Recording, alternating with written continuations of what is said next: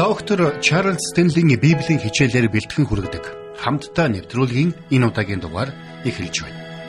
Та хамгийн сүлд хизээ бурхны дуу хоолойг сонсоход цаг гаргасан байна.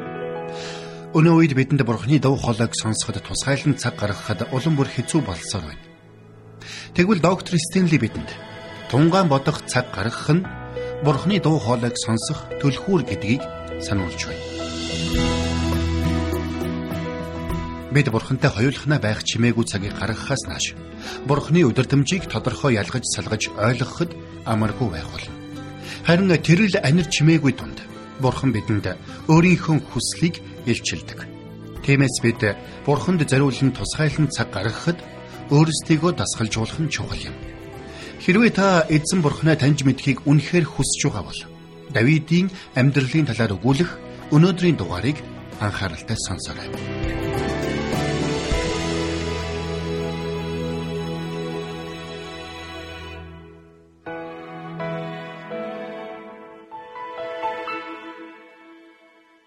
Хэрвээ бид Есүс Христийн жинхэнэ дагалдагч байхыг хүсэж л байгаа бол Христийг дагаад хаашаа явах вэ гэдгээ мэддэг байх ёстой. Харин түүнийг дагаж явахын тулд бид түүнийг сонсдог байх ёстой. Мэдээж түүнийг сонсдог байхын тулд түүнийг сонсож сурах учиртай. Тэгвэл Христийн дуу хоолойг сонсох нэгэн чухал арга зам бол Бурхны үгийг тунгаан бодох явдал юм. Бурхны үгийг тунгаан бодож, Бурханд бүх анхаарлаа хандуулах үед Бурхан бидний Христийн дүр төрхийн дагуу өөрчлөн шинчилж байдаг юм. Хэрвээ бид Библийг анхааралтай унших юм бол Бурхны тухай болон Бурхны үгийн талаар тунгаан бодох нь Бурхны зарцнаар болон Бурхны ариун хүмүүсийн байнга хийдэг байсан зүйлс гэдгийг илэрхий харах болно. Гэтэл өнөөдөр Христэд итгэгчид бид итгэлийн амьдралын энэ чухал элементийг хоош тавьж Бурхны тухай болон Бурхны үгийн тухай тэр бүр тунгаан бодолгүйгээр өдөр тутмынхаа амьдралд түүртэн амьдарсаар байна. Тиймээс хамтдаа Библийг нэгээд 2 дугаар Самуэль номны 7 дугаар бүлгийг харцгаая. Энд Давид хааны тухай өгүүлсэн байгаа. Хэрвээ бид Үлс номын 13 дугаар бүлгийн 2-ыг унших юм бол бүх хүслийг минь биелүүлэх зүрх сэтгэлийн минь дагуух хүн Есийн хүү Давидыг би олсон гэж Бурхан айлцсан тухай өгүүлсэн байдаг юм. Гэтэл Давидын амьдрал бүхэлдээ дардан байсан уу? Гэвэл үгүй. Тэр маш олон алдаа гаргаж байсан юм. Тэр худлаа хэлээ зогсохгүй завхаарч тэр бүх хэл гимгүү байсан хүний аминд хүртэл хүрсэн юм. Гэтэл тийм хүнийг бурхан зүрх сэтгэлийн дагуух хүн хэмээн тодорхойлсон. Үнэхээр хачирхалтай санагдаж болох юм. Гэхдээ бид сэтгэлээр унчихсан. Бидэнд тайвшрал, тайтгарал хэрэгтэй болох үед Паулийн бичсэн гүн гүнзгий утга санаа бүхий теологийн загтлуудыг бус харин дуулал номыг уншдаг шүү дээ. Дуулал номонд Бурхны зүрх сэтгэлийн дагуу хүн болох Давидын бичсэн олон дуулууд бий. Учир нь Давид Бурхны үгийг тунгаан бодож сурсан нэгэн байсан юм. Тиймээс хамтдаа 2 дугаар Самуэлийн 7 дугаар бүлэг рүү очиод харъя. Энэ бүлэгт Давид хааны амьдрал тохиолдсон нэгэн үйл явдлын тухай өгүүлсэн байдаг. Ингээд хамтдаа 2 дугаар Самуэль номын 7 дугаар бүлгийн 1-ээс нь харъя. Хаан өргөндө туглан амьдарч эзэн эргэн тойрных нь бүх дайснуудаас түүнийг амруулсан тэр үед гэсэн байна. За өөрөөр хэлбэл Израилийн эргэн тойронд өрнөж байсан дайн тулаанууд бүгд дууссан байсан. Давид бүх дайснаа ялж Израильд амар тайван тогтсон байсан юм. Тиймээс Давид хаан баг зэрэг назгаарсан байсан гэсэн үг. Харин тэр үед нь иш үзүүлэгч Натан түүн дээр ирж түүнтэй ярилцсан байдаг. Улмаар 2 дугаар Самуэль номын 7 дугаар бүлгийн 8-аас 22-ыг харах юм бол Бурхан Натанд хандан Давидэд хэлэх үгсийг нь зааж өгсөн байдаг. Ингээд 7 дугаар бүлгийн 8-аас 22-ыг харъя. Мөн тиймээс одоо чи миний зарц Давидэд ингэж хэл. Түг түмдийн эзэн өөрийн ард түмэн Израилийн удирдагч болгохын тулд би өөрөө чамайг бэлчээр дээрээс хонин сүргийн араас авсан билээ. Чамайг хаашаа ч явсан би чамтай хамт байсаар чиний өмнөөс хамаг дайсныг чинь устгаж байсан. Би чамд газар дээрх агуу хүмүүсийн нэрийн адил агуу нэрийг өгнө. Бурхан энд өөрийн амлалтаа Давидэд өгсөн байна. Би чиний нэрийг газар дэлхий дээрх хамгийн агуу хүмүүсийн нэгэн адил өргөмжлөнө гэж бурхан амласан байна. Үнэхээр Давид хааны нэрийг бурхан тийхүү өргөмжилсөн гэдгийг бид мэднэ. Цааш нь үргэлжлүүлээд 10 дугаар ишлээс харах юм бол би өөрийн ард түмэн Израильд газар нутаг тогтоож тэднийг тэнд суулгана. Ингэснээр тэд өөрсдийн орон нутагтаа амьдарч дахин эс түвэлгэнэ. Ард түмэн Израилийн дээр би шүүгчдийг томилсон урдийн цагийн шиг муу гүйлдэгч хүмүүс тэднийг дахин дарлахаа болно. Би чамайг хамаг дайснаас чинь аварна. Эзэн би чамд мэдүүлье. Эзэн би чамд нэгэн гэр барьж өгнө. Чиний өдрүүд гүйцэж, чи эцэг өвүүдийнхөө хамт нойрсох үед би чиний биеэс гарах үрийг чинь чиний дараа босгож түүний хаанчлалыг бэхжүүлнэ. Миний нэрийн төлөө тэрээр өргөө барина. Би түүний хаанчлалын сэнтийг мөнхөд тогтооно. Бурхан энд Соломон хааны тухай өгүүлсэн байгаа юм. Ингээд хамтдаа цааш нь харъя. 14-өөс 17 дугаар ишлэгийг уншийе. Би түүний эцэг болж тэр миний хүү болно. Тэр гин бурууг үйлдвэл би хүний саваа, хүний хөвгүний зодуураар түүнийг гисгэн. Би өмнөөс чинь зайлуулсан Саулаас хайр инэрлээ авсныхаа адилаар эс байж өөрийн хайр инэрлийг түүнээс салгахгүй. Чиний гэр болон чиний хаанчлал миний өмнө мөнхөд үргэлжилж чиний хаан ширээ мөнхөд тогтно гэж байна. Химэн хэл гив. Натан эдгээр бүх үг ба үзэгдлийн дагуу Давидэд айлтгалаа. За тэгэхээр ингээд иш үзүүлэгч Натан дээрх бүх үгсийг Давидэд дамжуулан хэлж өгсөн байна. Иш үзүүлэгч Натан Давидын дотны анд нөхдийн нэг байсан. Тиймээс тэр Давидтай уулзаж түүнд урам зориг, тайвшрал болон заавар зөвлөгөөний үгсийг дамжуулан хэлж өгсөн байна. Харин түүний энэ бүх үгийг сонссон Давид тэр бүх үгсийг хэрхэн хүлээн авсан бэ? Ингээд хамтаа 18-аас 22 дугаар ишлэгийг нь харъя. Тэгээд Давид хаан явж эзний өмнө суугаад Эзэн бурхан минь ээ би хэн болоод миний гэр юу болоод та намайг энэ хүртэл авчирсан юм бэ? Гэлээч энэ нь таны мэлмэд өчүүхэн зүйл байсан. Эзэн бурхан минь та зарцынхаа гэрийн алс ирээдүйн тухай агуу зүйлсийг хүний ёсоор айлтлаа. Эзэн бурхан минь Давид үүнээс өөр танд юу хэлэх вэ? Учир нь та өөрийн зарцыг мэддэг үлээ. Эзэн бурхан минь өөрийнхөө үгийн учир, өөрийнхөө зарцыг ухааруулахын тулд зүрх сэтгэлийнхээ дагуу та энэ бүх агуу үйлийг хийжээ. Ийм учраас эзэн бурхан минь та агуу билээ. Учир нь тантай адил хинч үгүй бөгөөд бидний чихээрээ сонссон бүхний дагуу танаас өөр бурхан байхгүй билээ. Энд Давид хаан юу гэж хэлж байна вэ? Давид энэ бурхны талаар тунгаан бодож байгааг бид харж байна. Түүний бүх анхаарлын төвд хэн байсан бэ? Тэр бүх анхаарлаа Бурхан руу хандуулсан байсан. Давид хаан Бурхантай хэрхэн холбоотой байж, Бурханыг хэрхэн дагаж амьдрах вэ гэдгийг маш сайн мэддэг нэгэн байсан. Бурхантай хэрхэн харилцах вэ гэдгийг ч маш сайн мэддэг байсан юм. Давидын хувьд Бурхан алс хол оршдог хэн нэгэн байгаагүй. Харин ч Давид Бурхантай өдөр бүр хамт алхаж, Бурханыг өдөр бүр эрен хайдаг байсан юм. Тэр цаг ямагт Бурхныг таньж мэдхийг эрэлхийлдэг байсан. Тэр Бурхныг таньж мэдхээр бүх анхаарлаа хандуулж Бурхны тухай цаг ямагт тунгаан боддог байсан юм. Товчхондоо бол Бурхны тухай тунгаан бодох нь Давидын амьдралын салшгүй нэг хэсэг байсан юм. Тиймээс ч Бурхан түүнийг зүрх сэтгэлиймэн дагуу хүн хэмээн тодорхойлсон юм. Мэдээж Давид төгс хүн байгаагүй. Давид Бурхныг дандаа дуулууртай дагдаг нэгэн байж чадаагүй. Гэсэн ч бурхан түүнийг зүрх сэтгэлиймэн дагуу хүн гэж тодорхойлсон. Давидын амьдрал алдаатай оноотой байсан. Тэр ялж ялагдаж, унаж босож байсан. Гэсэн ч бурхан түүний талаар Үйлс намын 13-ын 22-д тодорхойлохдоо бүх хүслийг минь биелүүлэх зүрх сэтгэлиймэн дагуу хүн. Есийн хүү Давидыг би олсон хэмээн айлцсан байдаг. Тэгвэл юу биднийг Бурхны зүрх сэтгэлийн дагуух хүн болгосон юм бэ? Юу гэдгийг би танд хэлж өгье. Ингээд хамтдаа дуул номын 63-ын 1-р ишлэгийг харъя. Бурхан та миний бурхан би таныг эртлэн хайх болоо. Усгүй хуурай ангамл газарт сэтгэл минь танаар цангаж бие махбод минь таныг хүсэн тэмүүлж байна. Юу бидний бурхны зүрх сэтгэлийн дагуу хүн болгодог юм бэ гэвэл бурхнаар өсөж цангасан зүрх сэтгэлтэй байж бурхныг таньж мэдэх гэсэн халуун хүслээр дүүрэн байснараа бид бурхны зүрх сэтгэлийн дагуу хүн байж чадна.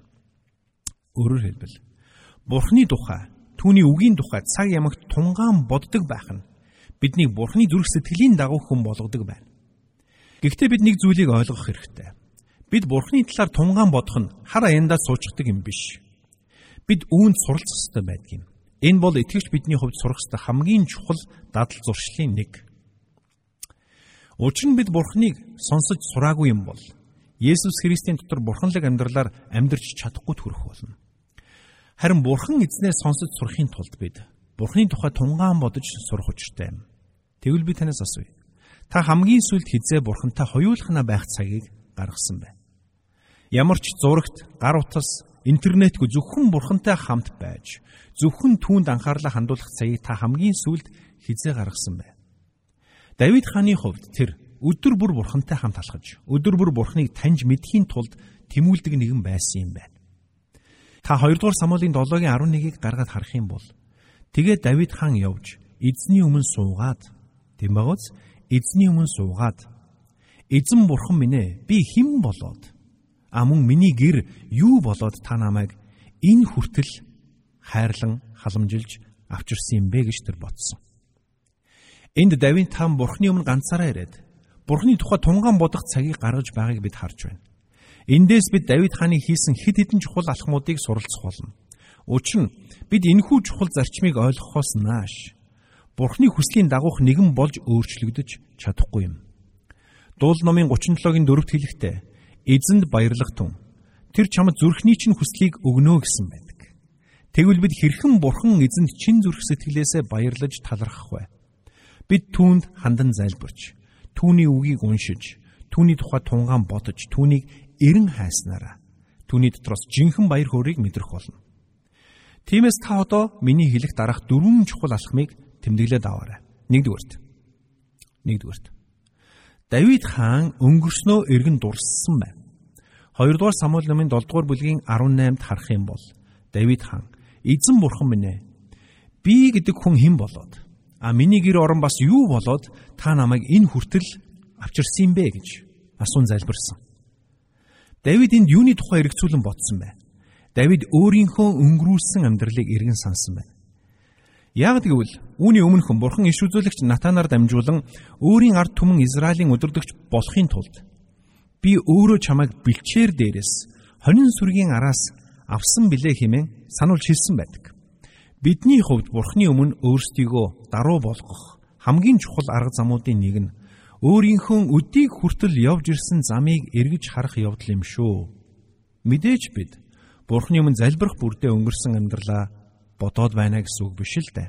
Гэхдээ бид Бурхны өмнө ирээд өмнө хаана байснаас санаж Бурхан биднийг хаана авчирсныг бодох үедээ Бурхны өмнө өөрийн ирэхгүй өөрийгөө даруй болгоод юм.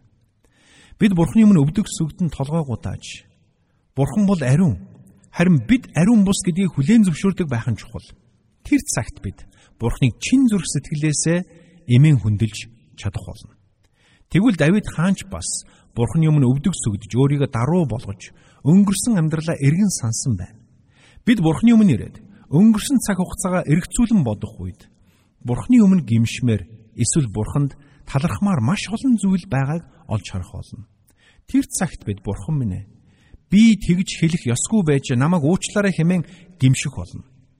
Бас бид Бурхан минь тэр зүйлээр дамжуулан миний дотор ажиллаа хийсэн танд маш их баярлалаа хэмээн талархах болно.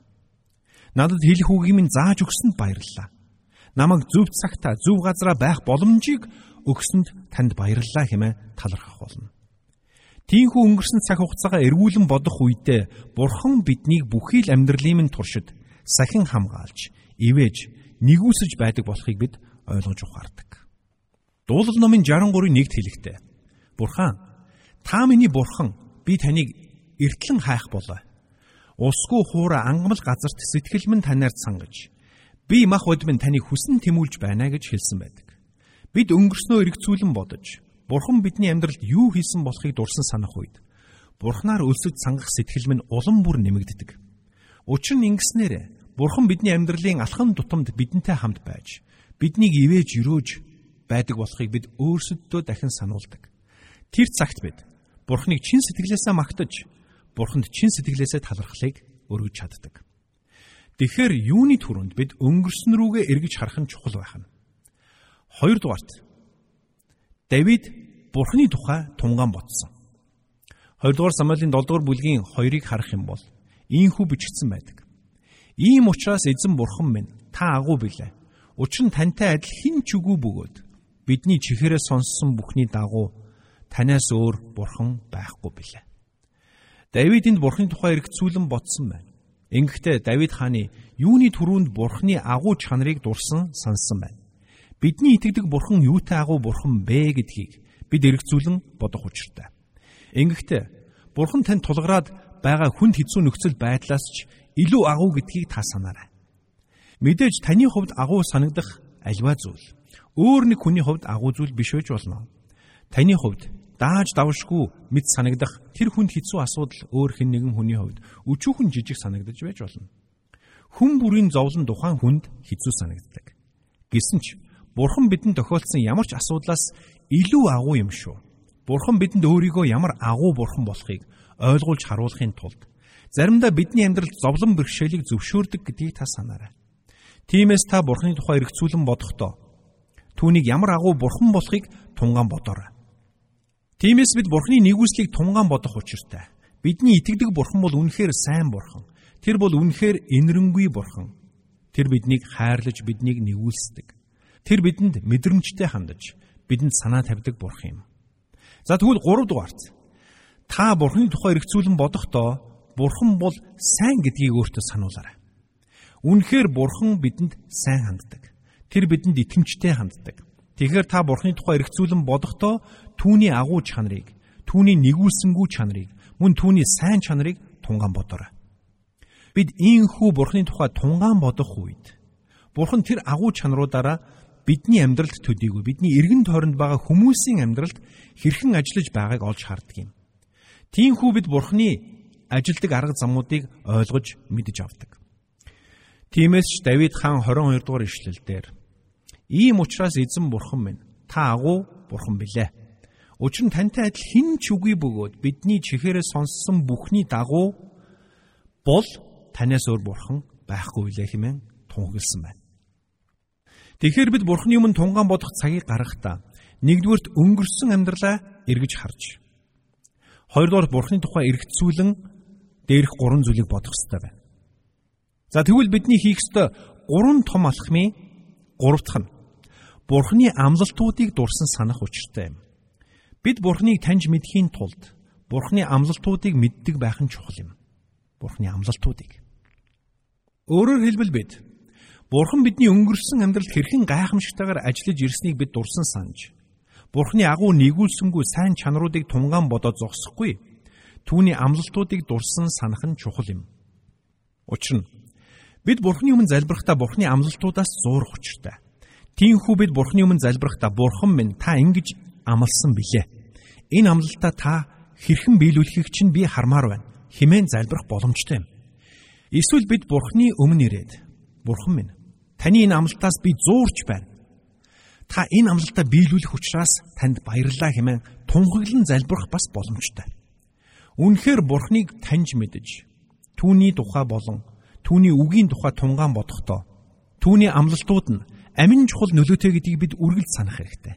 Учир нь Бурхны амлалтууд нь бидэнд хандсан Бурхны хайр инрэл, өршөөл, нэгүсэл, итгэмжт байдлыг бидэнд сануулж байдаг юм. Эцэст нь бид Бурхны өмнө тунгаан бодох цагийг гаргахдаа Бурханд гүйлт залбирлаа өргөх учиртай юм.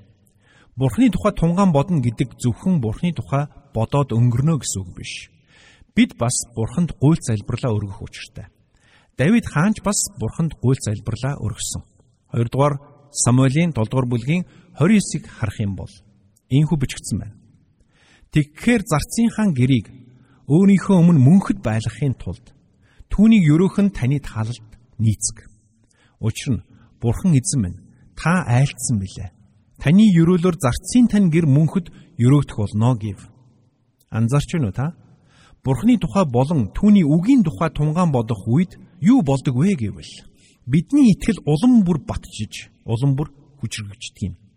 Тэр цагт бид ямар ч эргэлзээгүйгээр агуу том зүйлсийг Бурханаас итгэлтэйгээр гуйж чаддаг. Яагаад тэр вэ? Яагад гэвэл Бурхан бидний өнгөрсөн амьдралд хэрхэн ажиллаж ирснийг бид дурсан сандаг. Бурханы агуу чанарыг, Бурханы өршөөл нэгүслийг, түүний сайн чанарыг бид дурсан сандаг юм. Бурханы агуу гайхамшигтай амлалтуудыг бид дурсан сандаг. Тэр цагт бидний итгэл улам батжиж, бид Бурханы өмнө итгэмжтэйгээр гуйлт залбирлаа өргөж чаддаг юм. Мэдээж бид Бурханы тухай тунгаан бодож байгаа нь энэ гэдэл эхнээс нь дуустал Бурханаас юм гуйгаад сууна гэсэн үг биш. Гэхдээ бид Бурхны тухай тунгаан бодох үед бидний гуйлт залбирлууд ч илүү ихтгэлтэй, илүү хүчтэй, илүү фокустай болдог гэдгийг бид ойлгох хэрэгтэй. Тэгэхээр Бурхны тухай болон түүний үгийн тухай тунгаан бодох нь бидний итгэлийн амьдралд ямар чухал болохыг та ойлгож авсан гэдэгт би итгэлтэй байна. Энэ нь бид бүх анхаарлаа Бурханд хандуулж өөрийнхөө хэрэгцээ, өөрийнхөө хүсэл, өөрийнхөө сэтгэлийн зовлонг төрч болов хоош тавина гэсэн үг. Тэр цагт бид Бурхныг улам илүү таньж мэдэн Бурханд итгэх итгэл маанч илүү хүчрхэг болох болно. Тэгэхээр өнөөдөр бид Бурхны тухай тунгаан бодохдоо дараах дөрвөн алхмыг хийх учиртай гэдгийг мэдэж авлаа. Юуны түрүүнд бид өнгөрсөн амьдралаа эргэн санах.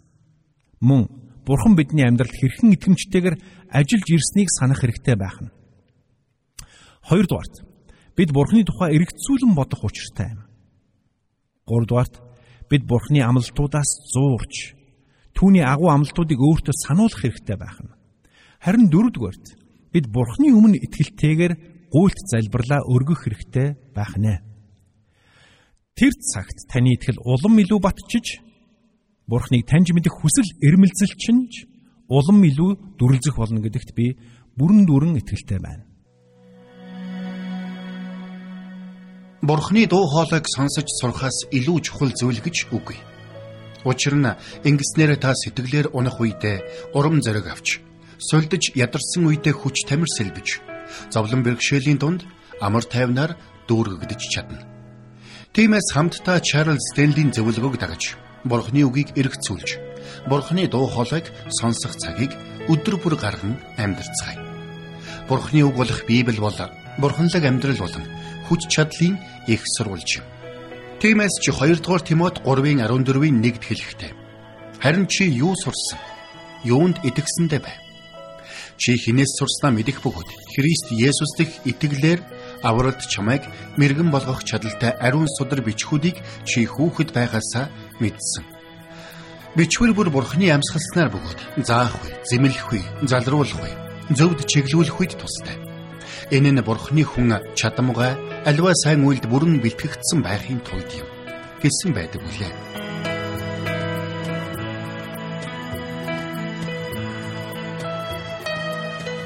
Бурханд тэмүүлсэн сэтгэл хүмүүсийг энэрх зөрхөөр амьдрахад туслах номлогч доктор Чарлз Стенлигийн хамттай нэвтрүүлэг сонсогч танд хүрэлээ. Нэвтрүүлгийг дахин сонсохыг хүсвэл ихтгэл радиоцик.com-оор зочлоорой. Бидэнтэй холбогдохыг хүсвэл 8085 99 тэгтэг дугаард хандаарай.